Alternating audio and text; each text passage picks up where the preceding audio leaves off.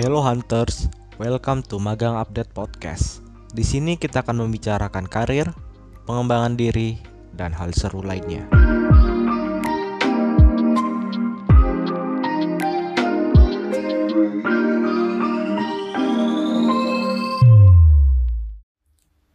Good day Hunters, welcome back to Magang Update Podcast. Gimana nih kabarnya Hunters? Semoga sehat selalu ya. Oke, sebelum dimulai, aku punya pantun nih Hunters. Jalan-jalan sama Mayang, tak kenal maka tak sayang. Karena itu, kenalin, aku Anita, tim konten kreatif and digital marketing Magang Update. Di podcast kali ini, aku akan membahas dan menjawab rasa penasaran Hunters nih mengenai how to get a job in e-commerce industry. Hunters juga pastinya sudah tahu kan kalau e-commerce industri ini sangat diminati pekerja di Indonesia loh. Karena itu, pastikan persaingannya juga sangat ketat kan. Sekarang aku mau kasih kalian bocoran langsung dari recruiter di industri e-commerce ini nih. Dari tadi kan juga kalian pasti udah penasaran kan sama siapa sih kakak yang bareng aku ini sekarang? Karena itu, kenalin ya. Halo Kak Aga, gimana kabarnya Kak?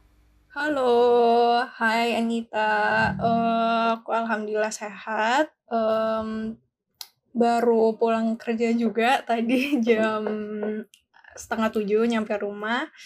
Ya alhamdulillah sih kalau keadaan sekarang kan sehat nomor satu ya. Iya kak, bener banget. Nah sekarang Hunters udah kenal kan nih sama Kak Aga.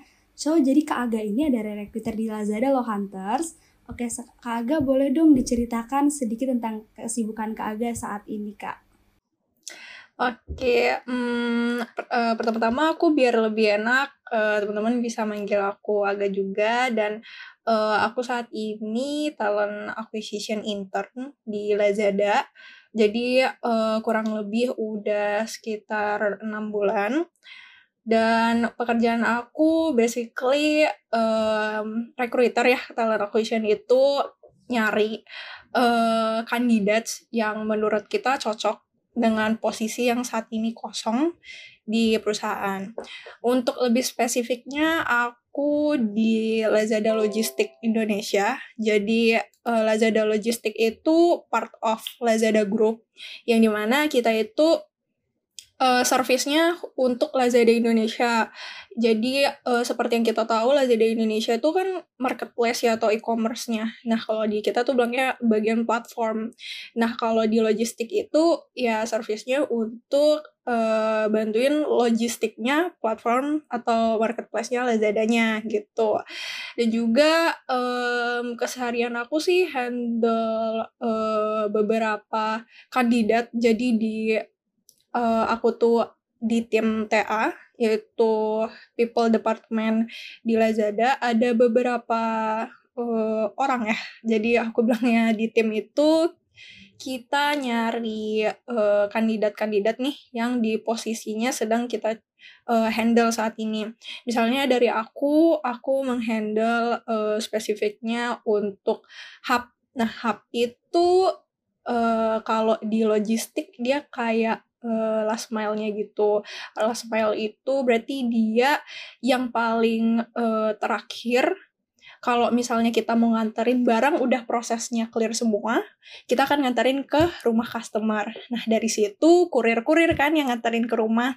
Nah, misalnya aku cari nih yang di hub yang uh, ngehandle kurir-kurir itu di hub itu manajernya atau uh, supervisornya. Nanti aku aku sourcing-sourcing, aku screening, yang oke okay, aku phone interview untuk mastiin dia cocok bener untuk posisi ini. Lalu kalau oke okay, kita lanjut ke usernya. Basically keseharian aku kayak gitu, sourcing, screening, dan interview uh, para kandidat lalu arrange interview juga. Jadi kalau misalnya oke, okay, lanjut ke user, aku yang arrange gitu. Dan kalau oke okay juga sampai proses rekrutmennya selesai. Jadi bisa dibilang end to end-nya. Uh, seperti jembatan dari dunia luar masuk ke Lazada Logistik itu pasti lewat talent acquisition gitu. Kurang lebih kayak gitu Anita. Oke kak, wah pasti seru banget nih kak. Terus aku juga sekarang mau tanya nih kak, sebenarnya apa sih kak kesenangan dan tantangan bekerja di industri e-commerce ini kak? Um, tantangannya sendiri itu uh, pas waktu posisinya ya. Jadi kan ada beberapa banyak posisi di perusahaan. Seperti yang tadi aku bilang ada manager, ada supervisor di hub. Itu baru hub. Belum lagi uh, senior supervisor atau senior manager di sortation. Beda lagi gitu. Jadi per departemen terus beda posisi-posisi itu uh, tantangannya dulu kalau kita gak pas nyari orangnya itu akan masalahnya di situ jadi kadang kalau kita udah keburu interview orang tapi orangnya ternyata nggak cocok. Jadi uh, interview itu sebenarnya kurang efektif dong. Jadi kita uh, berusaha di screening CV-nya itu kita ketat gitu. Jadi kalau di Lazada screening CV-nya tuh ketat. Jadi setelah kita uh, pastikan kalau misalnya dia benar uh, relate gitu dengan posisi yang sekarang baru bisa kita phone interview. Jadi seperti kita uh, pastikan gitu. Karena sebelum user interview itu juga lebih ketat lagi.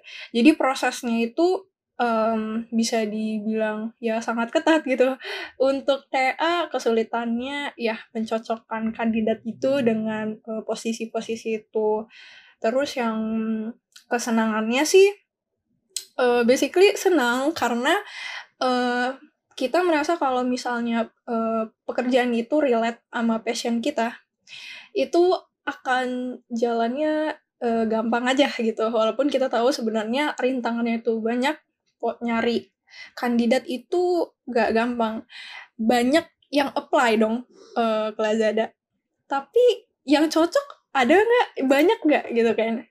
yang cocok paling cuma beberapa dan dari beberapa itu kita pastikan lagi gitu yang paling terbaiknya gitu. Dan dari yang terbaik apa yang terbaik? Emang pasti gitu akan cocok dari mata user kita gitu. Belum tentu gitu. Jadi kesenangannya itu kalau misalnya kita uh, bawanya happy ya kita bawanya itu sebagai um, pekerjaan yang bukan bawa kita apa namanya uh, jadi jatuhnya kalau misalnya kita nganggapnya itu susah sih, itu bakal uh, stres sih gitu. Jadi mungkin emang susah, tapi kalau misalnya kita nganggapnya itu gampang aja gitu. Kalau aku sih karena basic aku juga psikologi dan salah satu dream job aku pingin jadi orang HR gitu. Jadi aku berusaha nggak nganggap itu susah. Jadi itu sebagai pekerjaan yang biasa dilakukan oleh orang HR karena recruiter itu emang kayak gitu. Jadi aku akan lebih gampang sih gitu. Oh, berarti enjoy ya Kak dalam melakukan setiap pekerjaannya. Betul. Temukan passion kalian. Oh iya. Oke Kak Aga. Karena tadi kan Kak Aga juga bahas tentang peminatnya juga banyak kan Kak. Karena penawaran di industri ini kan sangat banyak tuh Kak. Jadi kan juga persaingannya juga ketat.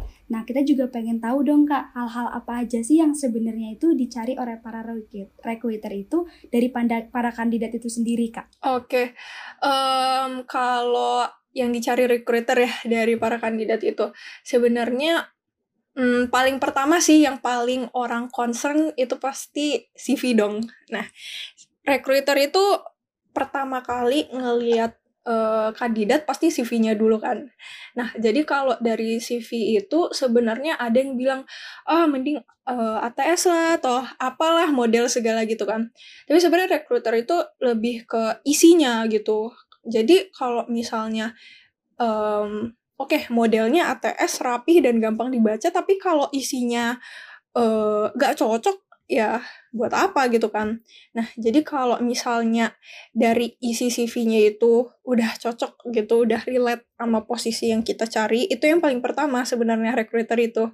Sebenarnya kalau mau bilang uh, uh, singkatnya, cari posisi yang cocok, itu aja sebenarnya. Kalau model CV-nya itu yang gampang dibaca, itu nilai plus gitu. Karena kalau misalnya kalian meletakkan CV yang susah dibaca itu um, dalam arti agak sedikit tidak berurutan gitu. Misalnya uh, dia menulis yang gak priority dulu dia di halaman-halaman atas. Misalnya seperti mm, tanggal lahirnya atau educationnya yang sejak dari SD atau dari TK gitu misalnya itu kan nggak terlalu penting gitu. Jadi yang paling penting itu sebenarnya kalau misalnya kalian udah uh, uh, CV-nya oke okay nih pasti isinya dulu yang akan recruiter lihat. Kalau CV-nya belum oke okay, uh, oke okay, itu uh, hal kedua gitu. Jadi recruiter pasti ngeliat isinya dulu. Terus yang kedua uh, kalau misalnya CV kalian gak oke, terus isinya gak oke juga, ya itu tidak dilihat sama sekali gitu. Jadi yang pertama paling penting isinya, yang kedua model CV-nya yang gampang dilihat sama recruiter. Jadi recruiter tuh langsung direct ke isi uh, atau experience uh, profesional kalian gitu. Jadi kalau misalnya kalian udah bekerja di sini, pastikan aja kalian perjelas itunya. Job desk-nya yang udah kalian handle apa aja, itu juga uh, jadi bahan nomor satunya recruiter gitu. Untuk model CV itu nomor dua. Kalau aku gitu. Wah, menarik banget nih Kak Aga. Berarti tadi itu ada hal yang terpenting ada CV, dari isinya sama model CV-nya itu sendiri ya Kak? Betul.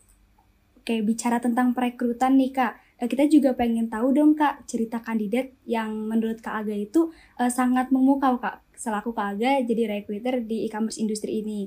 Apa sih juga yang mereka lakukan? Kenapa bisa sampai uh, membuat kak Aga sebagai recruiter itu terpukau kak? Oke, kalau uh, dari experience aku uh, kandidat yang membuat aku terpukau itu adalah um, semangatnya sih gitu. Oke, kalau misalnya dia kandidat yang bagus banget yaitu kandidat yang cocok banget.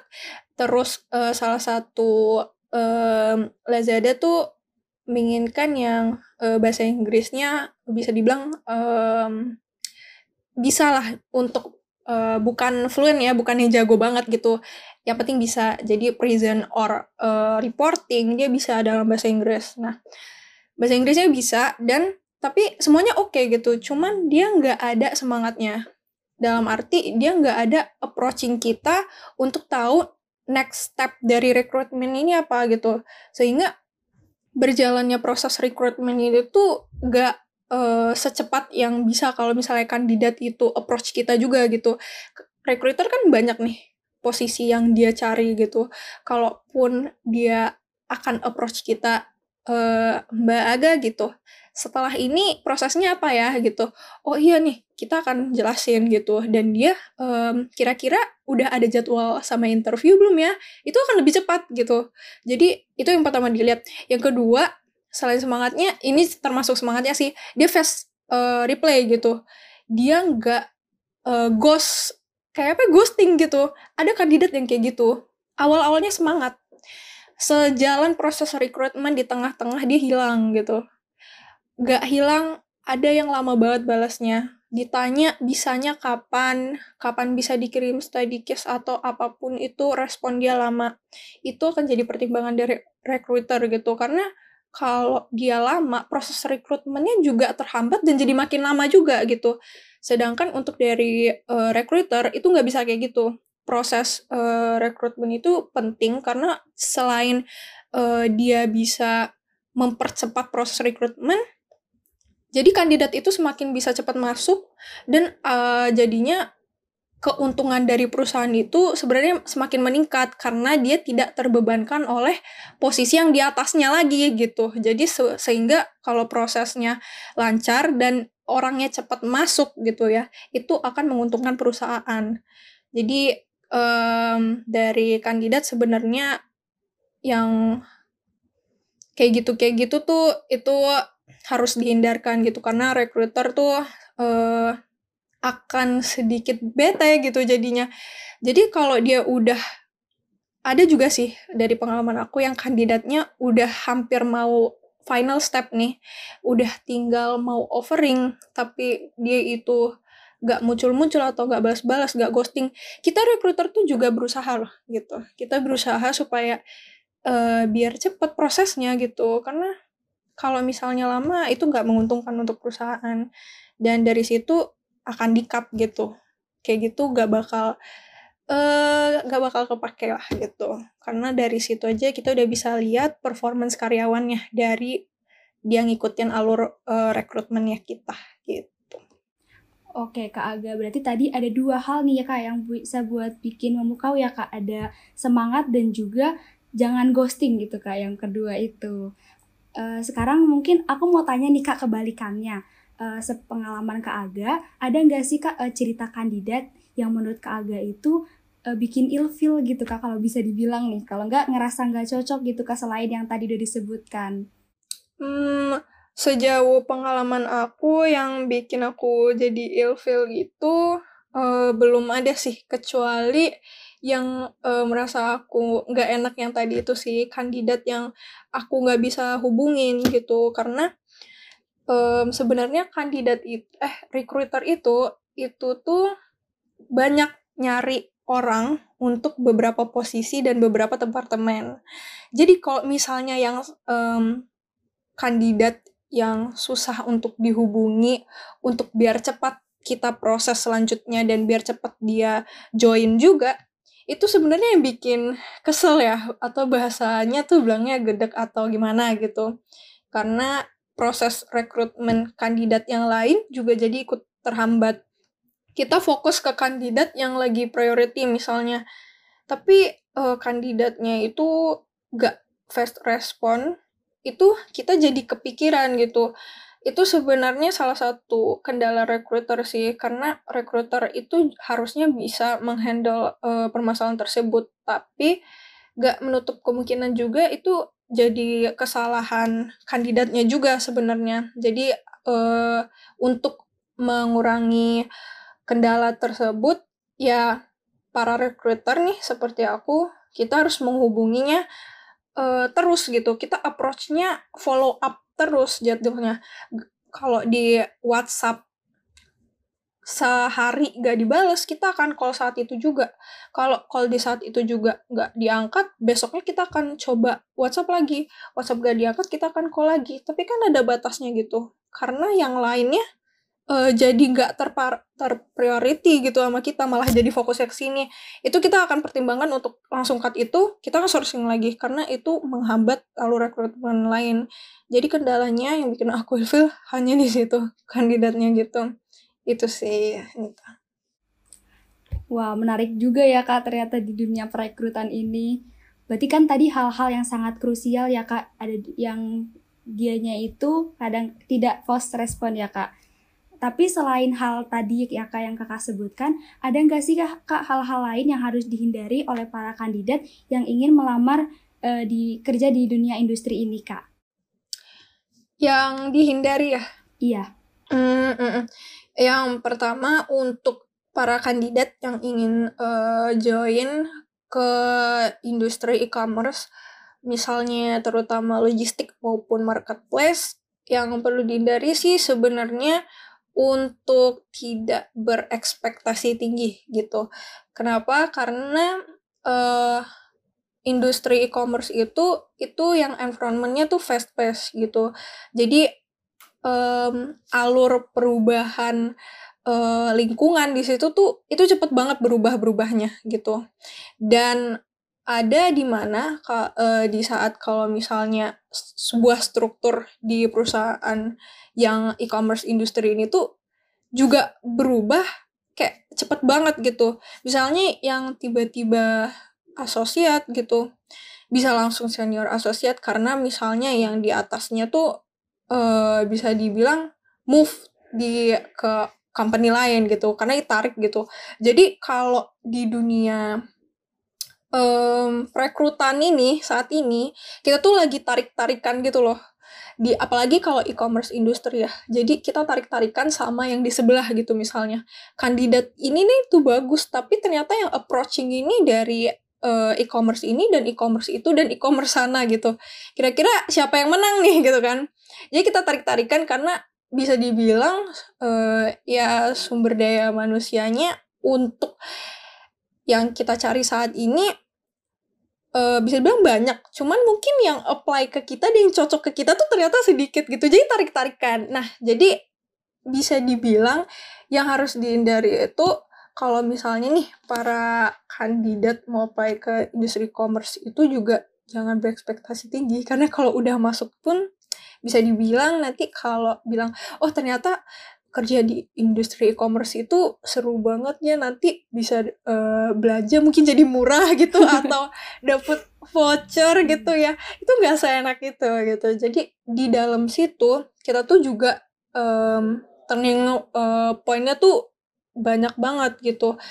Si bisa dibilang kalau dari marketplace-nya ya uh, untuk uh, Lazada Indonesia itu itu juga cepet banget ganti-gantinya kalau aku bilang aku punya temen juga di TA-nya uh, marketplace-nya Lazada. Dan dia tuh nyari posisi yang bisa dibilang hampir mirip terus gitu di sana. Karena ya tarik-tarikan gitu udah masuk ke sini eh tiba-tiba dia pindah gitu ke sana. Atau yang udah uh, baru beberapa bulan di sini tuh udah pindah ke sebelah gitu. Terus yang dari sebelah nih mau kita tarik ke sini ternyata yang dari sana mencoba untuk menaikkan gaji dan sebagainya sehingga tidak mau dipindah ke sini. Jadi uh, industri e-commerce itu susah dan di dalamnya pun uh, ada beberapa orang yang hanya bertahan karena mungkin di approach sama uh, e-commerce lainnya atau company lainnya. Tapi di dalamnya juga ada yang nggak uh, bertahan gitu karena ternyata expect-nya itu berbeda dengan pekerjaan dia di lingkungan. Uh, uh, jadi dia kaget. Dia kaget dan akhirnya dia mau balik lagi ke industri lamanya yang bukan e-commerce ini. Karena menurut dia kayaknya uh, gue nggak bisa tahan deh di sini kayak gitu. Jadi uh, jangan berekspekt tinggi. Dan kalau yang saran aku sih untuk bisa bertahan di e-commerce industri itu emang uh, sejalannya zaman ini sejalannya uh, hype e-commerce industri ini sebagai employee di e-commerce industri kita juga harus terus berkembang gitu. Karena kalau nggak kita bakal ketahan ketindes atau nggak bisa tahan di e-commerce industri ini. Mungkin seperti uh, beberapa uh, employee yang aku uh, tahu ya belakangan ini gitu. Jadi jangan berekspekt tinggi terus ya kalau bisa kita juga improve lah gitu selama di sini gitu. Oke, berarti cukup menantang juga ya Kak di e-commerce industri ini. Oke, jangan lupa dicatat juga ya Hunters untuk hal-hal yang memukau recruiter boleh banget nih kalian pelajarin juga. Dan jangan lupa juga dihindarin hal-hal yang justru bikin recruiter itu uh, ngerasa kurang cocok atau ilfil sama kalian. Oke Kak Aga, uh, mempertimbangkan kedua hal tersebut tadi ya Kak, kita juga mau minta dong Kak uh, tips sama triksnya secara langsung dari Kak Aga supaya bisa mendapatkan uh, kerja di industri e-commerce ini Kak. Boleh dari CV ataupun proses interview, psikotes ataupun bahkan uh, akun LinkedIn-nya sendiri itu Kak. Oke, untuk tips dan trik supaya teman-teman hunters bisa uh, nyemplung atau uh, mencoba manis pahitnya bekerja di e-commerce itu mungkin yang paling pertama itu adalah um, mencoba untuk apply dulu aja sih gitu. Kenapa aku bilang gitu? Karena basically uh, dulu juga aku belum punya pengalaman apa-apa. Jadi di CV itu uh, bisa dibilang gak ada hubungannya sama sekali juga dengan e-commerce gitu. Jadi sebenarnya nggak masalah kalau misalnya teman-teman jangan insecure dulu kalau belum pernah um, magang atau berkecimpung di e-commerce industri itu nggak jadi pertimbangan kok untuk uh, para recruiter kalau mau masuk e-commerce gitu. Jangan insecure dulu. Jadi uh, pertama-tama dari pengalaman yang udah temen dapet nih, perbaikin, bukan perbaikin sih bilangnya, um, mempercantik ya gitu CV-nya. Gak perlu diubah-ubah, pokoknya pengalamannya tuh bisa kalian olah di dalam CV kalian bisa malah jadi bagus gitu. Ada caranya gitu ya. Apa pun itu CV kalian itu sebenarnya jadi gerbang utama buat kalian bisa masuk ke dunia e-commerce pastinya.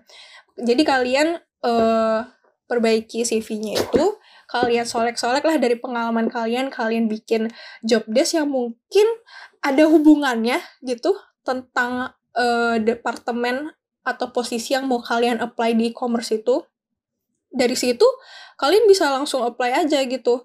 Kita kan nggak tahu nih dari beberapa puluhan atau ratusan kandidat yang mana ternyata uh, cocok dengan yang kita cari gitu. Ternyata dari pengalaman kalian yang kalian gak punya background e-commerce, ada yang cocok loh gitu, ada yang nyambung loh sama posisi ini.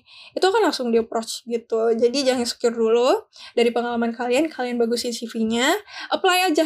Coba apply ke posisi yang kalian mau di e-commerce apa pun gitu, dan gak usah mandang bulu e-commerce-nya. Ah enggak, aku mau daftar ke e-commerce yang ini aja, nggak mau e-commerce itu, soalnya ini ini. Jangan gitu. Kalian harus um, objektif gitu. Jadi kalian karena belum tahu kan e-commerce yang ini kerjanya sebenarnya gimana sih?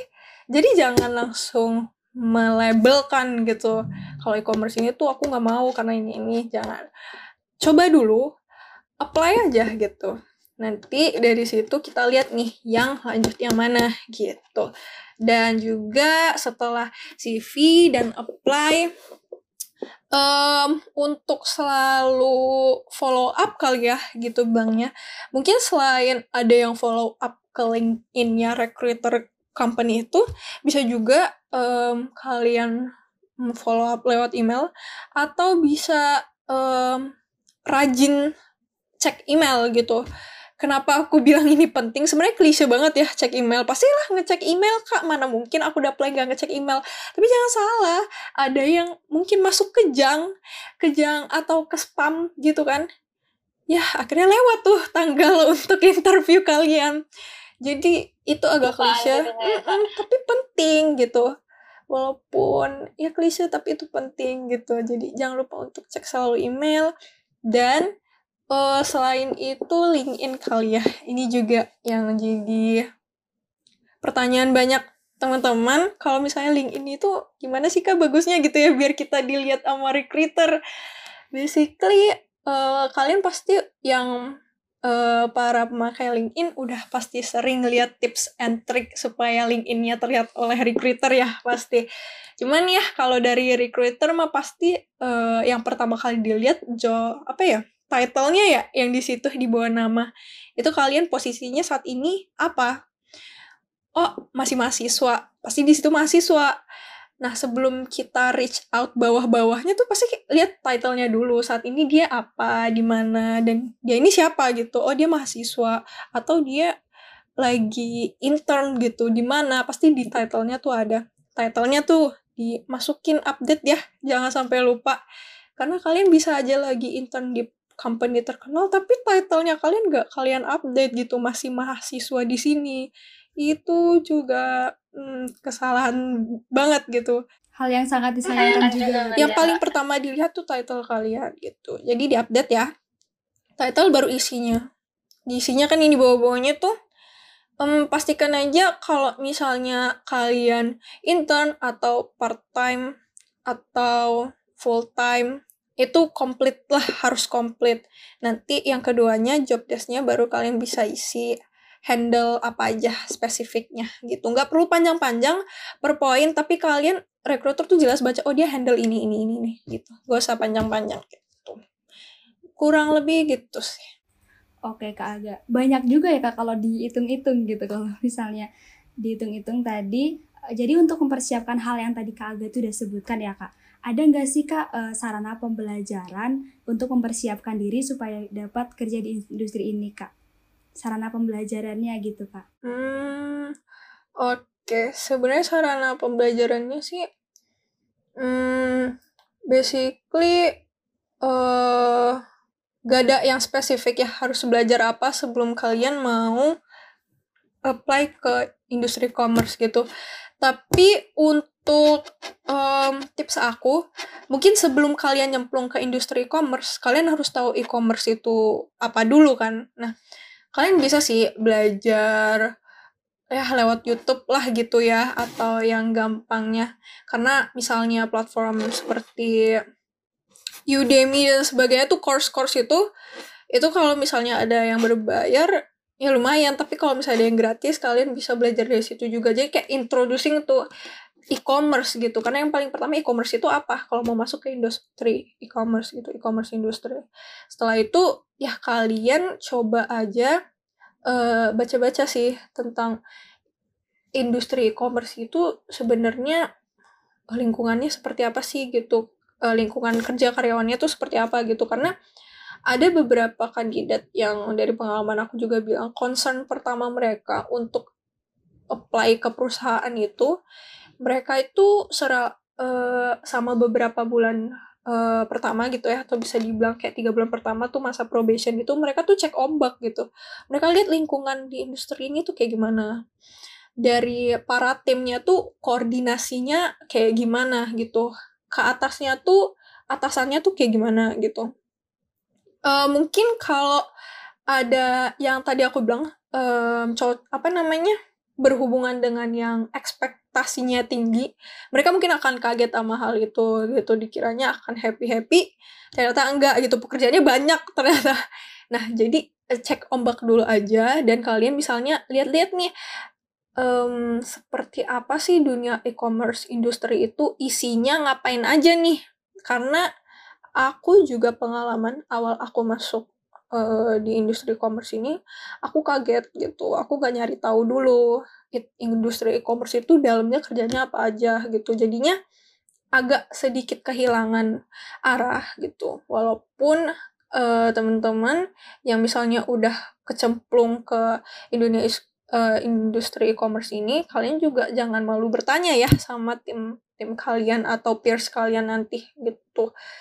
Ya semoga kalian sebelum masuk ke industri e-commerce kalian udah kenal dulu sih karena misalnya udah baca-baca ternyata dia fast pace gitu dikit-dikit kalau misalnya kerjaan udah selesai tiba-tiba masuk lagi kerjaan harus selesai saat itu juga gitu jadi jangan kaget gitu kurang lebih itu sih. Wah, sangat menarik juga ya, Kak. Oke nih, buat para hunters, jangan lupa untuk kunjungin Instagram Magang Update ya, untuk mengenai untuk tahu melongan magang lebih lanjut. Oke, Kak Aga. Uh, berhubung aku tadi udah tanya-tanya banyak nih, Kak. Uh, sekarang juga aku ada beberapa pertanyaan yang udah uh, dikumpulin di dari han, para hunters nih di Instagram Magang Update kemarin. Mungkin langsung aja aku tanya ke pertanyaan pertama ya kak boleh yang sama ada apakah orang-orang yang masih non experience memiliki kesempatan untuk magang di Lazada kak? Ada nggak sih kak eh, minimal kriteria atau minimal kayak semester ataupun umur gitu kak untuk bisa magang di Lazada itu sendiri? Oke untuk uh, kriteria internnya yang mau intern di Lazada kriterianya itu uh, minimal semester berapa sih? Uh, aku juga akan share nih. Ada Last Apprentice namanya itu udah buka di Lazada. Jadi seperti program internship untuk mahasiswa semester terakhir sama yang udah graduate gitu atau fresh graduate lah bisa dibilang baru lulus itu juga bisa magang di Last Apprentice Lazada tersebut. Jadi teman-teman mungkin bisa cek aja uh, LinkedIn Lazada atau live at Lazada di situ juga ada kriterianya. Dan juga kalau misalnya persyaratan lainnya sih kita untuk intern lain itu selain Last Apprentice itu ada magang merdeka ya. Kalau teman-teman mahasiswa pasti udah hafal banget program uh, dari Menteri pendidikan kita ini. Jadi dari magang bersertifikat MSIB Kampus Merdeka ini, kita open kok setiap batch ya, karena aku juga uh, salah satu awardinya. Aku magang Kampus Merdeka batch 1 dari Lazada, dan aku returnnya lagi, jadi aku magang lagi untuk batch kedua di sini. Persyaratannya bisa dibilang um, gak harus dari background e-commerce juga gitu dan kalau untuk yang lain sih uh, perbanyak organisasi kali ya gitu. Jadi salah satu CV kalian kalau misalnya nih kalian belum ada background e-commerce atau bukan e-commerce aja, belum ada background sama sekali intern sebelumnya nih. Pasti yang dilihat apa dong kalau belum ada pengalaman sebelumnya? Organisasi organisasi kalian itu apa aja? Uh, tingkat kampus kah? Kan tingkat universitas tuh paling tinggi ya, baru ada tingkat fakultas atau jurusan gitu. Posisi kalian di situ sebagai apa gitu? Posisi krusial atau penting gak gitu misalnya anggota gitu. Oke, anggota. Oh, tapi uh, aku nih misalnya gitu kan ada yang bilang aku posisinya sebagai ketua kak nah itu cukup dilihat tuh oh ketua uh, berarti dia tanggung jawabnya gede gitu terus aku sekretaris umum ini kak gitu. Di CV itu kan semuanya kalau teman-teman meletakkannya jelas ya uh, levelnya dulu atau uh, position dulu baru departemen apa nah itu kan gampang dilihat recruiter tuh. Nah itu juga akan dipertimbangkan gitu. Abis screening CV nih ditarik tuh CV-CV yang paling oke okay dari teman-teman intern yang mendaftar internship di Lazada misalnya. Nanti akan ada setelah itu battle lagi untuk online assessment gitu ya kalau di kampus Merdeka tuh. Jadi kayak tes hmm, Matdas gitu-gitulah, TPA dan sebagainya dari platform uh, Lazadanya gitu yang kerjasama misalnya sama Kaliber gitu-gitu. Dan dari situ dilihat nih nilai yang bagus. Nilai yang bagus siapa aja cut yang paling bagus ditarik screening CV nanti yang menang lagi CV-nya yang paling bagus yang mana gitu. Nggak perlu insecure teman-teman kalau belum ada pengalaman magang sebelumnya. Yang penting dari CV itu tuh nggak kosong ya CV-nya kalian ada pernah memegang suatu tanggung jawab bekerja di dalam tim seperti organisasi.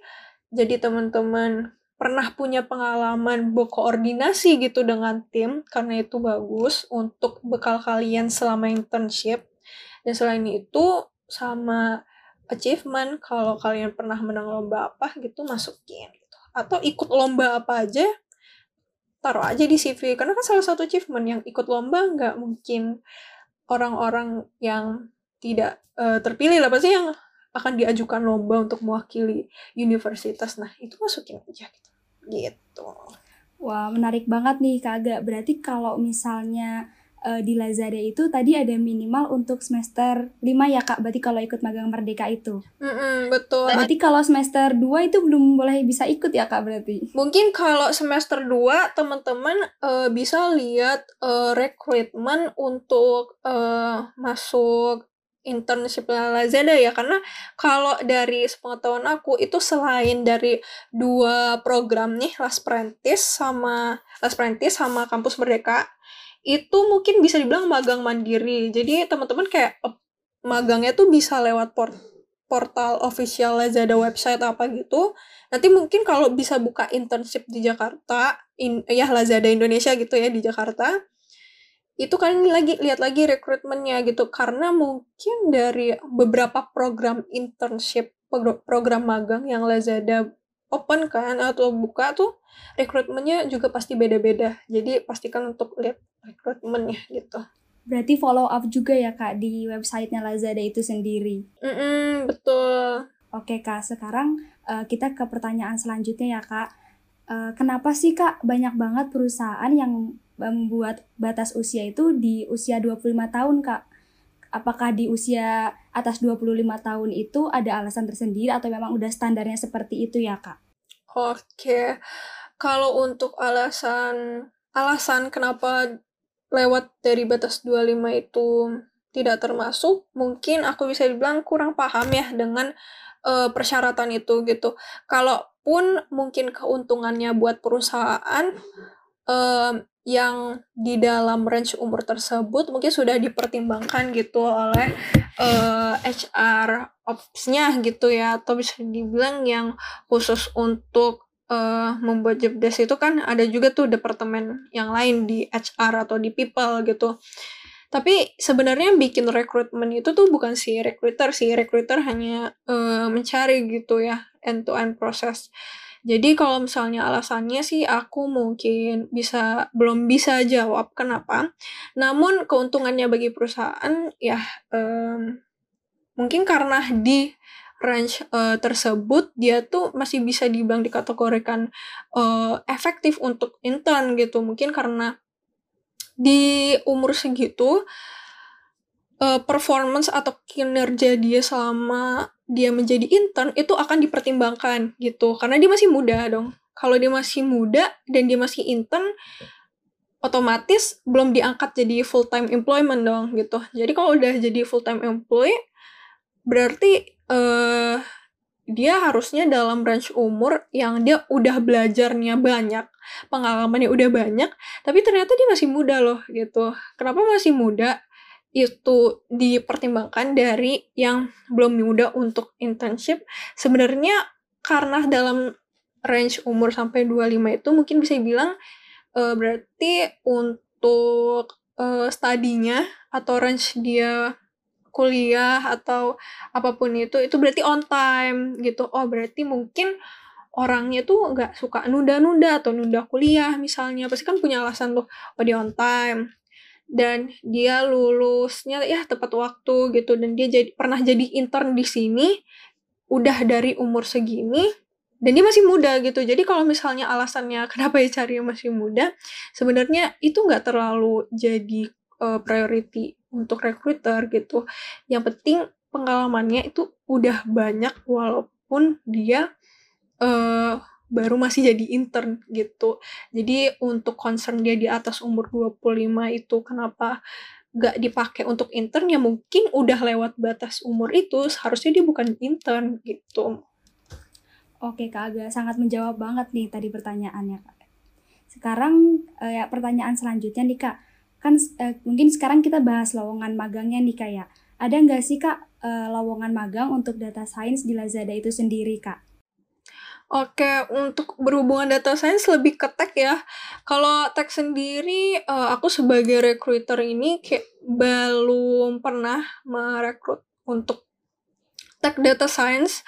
Jadi mungkin untuk talent acquisition uh, di platform mungkin yang lebih ngehandle itu kayak UI UX gitu kan atau uh, yang berhubungan dengan tech lainnya gitu. Sepengetahuan uh, aku ada gitu. Jadi untuk tech itu kita buka juga kok untuk uh, intern. Nah, jadi teman-teman bisa sambil hmm, cari-cari dari sekarang di Last Apprentice itu untuk yang tech departemen tuh apa aja posisinya atau kalau misalnya nggak ada mungkin ya belum dibuka headcountnya gitu jadi mungkin lagi belum butuh intern di situ mungkin atau lagi uh, sudah terpenuhi uh, kuota internnya jadi nggak mau uh, nggak buka dulu gitu. Mungkin bisa kayak gitu. Atau yang Hmm, magang merdeka tadi ya kan batch 2 udah jalan nih. Nanti kalau misalnya batch 3 open lagi reach ya uh, Lazadanya terus cari positionnya yang teman-teman uh, mau ke mana. Misalnya tag nanti mungkin ada beberapa tag di departemen yang sama tapi uh, berbeda position gitu misalnya. Kayak contohnya hmm, aku.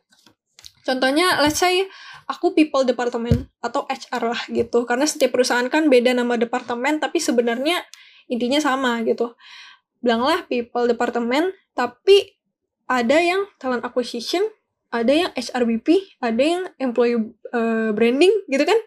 Tapi departemennya ya HRD gitu, tapi posisinya kan beda. Nah, jadi pastikan aja untuk uh, teman-teman reach departemennya, oke tech atau sebagainya di beberapa company, nanti lihat lebih spesifik posisinya di situ sebagai apa gitu. Iya tech tapi apa gitu kan. Ada yang developer, mungkin ada yang UI UX dan sebagainya gitu. Jadi uh, bisa teman-teman cari di company yang teman-teman mau apply gitu. Wah, menarik banget nih Kak. Baik Kak Aga, tadi itu uh, pertanyaan terakhir dari Hunters ya Kak Sebenarnya masih banyak banget nih Kak pertanyaan yang mau kita tanyain, tapi sayang sekali karena kita udah dibatasin waktu dan juga harus mengakhiri obrolan seru kita Kak. Nah, sebelum akhiri nih Kak, eh, mungkin boleh Kak kasih pesan atau motivasi dari Kaga untuk hunters yang pengen banget nih kerja di industri e-commerce ini. Oke, mungkin uh, untuk pesannya, hmm, tadi sebenarnya semuanya udah ya seperti tips saja sih. Tapi uh, yang paling penting sebenarnya uh, awal kalian mulainya dulu gitu. Kalau kalian tidak uh, berani untuk apply udah insecure duluan ah, kayaknya udah pasti nggak bakal masuk gitu ya. Itu nggak bakal masuk gitu. Jadi um, sebenarnya apply aja gitu apa pun yang pengalaman kalian udah kalian punya selama kalian jadi mahasiswa itu bisa kalian percantik lagi. yang tadi aku bilang di CV kalian. Misalnya kalian um, kata-katanya kalian uh, tambah-tambahin gitu dari situ supaya biar lebih kesannya itu kalian menghandle beberapa uh, posisi gitu. Padahal cuma uh, misalnya aku sebagai sekretaris di uh, organisasi ini gitu. Tapi aku cuman bilangnya menulis ini menulis itu gitu kan. Kalian bisa kulik lagi di situ. Banyak hal yang sekretaris itu lakukan. Jadi ada di posisi kalian yang mau kalian apply itu ternyata relate gitu di sekretaris itu jadi itu bisa. Terus coba apply lagi yang aku bilang tadi. Lalu uh, jangan lupa untuk selalu follow up email kalian setelah kalian apply. Karena kalau kalian gak aktif juga untuk uh, memfollow up alur rekrutmen kalian misalnya kalian lupa nih udah apply di mana aja akhirnya email kalian itu yang sebenarnya kalian cek tapi ternyata kesimpannya di junk atau di spam itu bakal kelewat juga. Jadi pastikan aja kalian cek uh, setiap hari dan semua bagian email kalian baca juga perhatikan. Jadi nggak ada yang ketinggalan proses rekrutmennya gitu.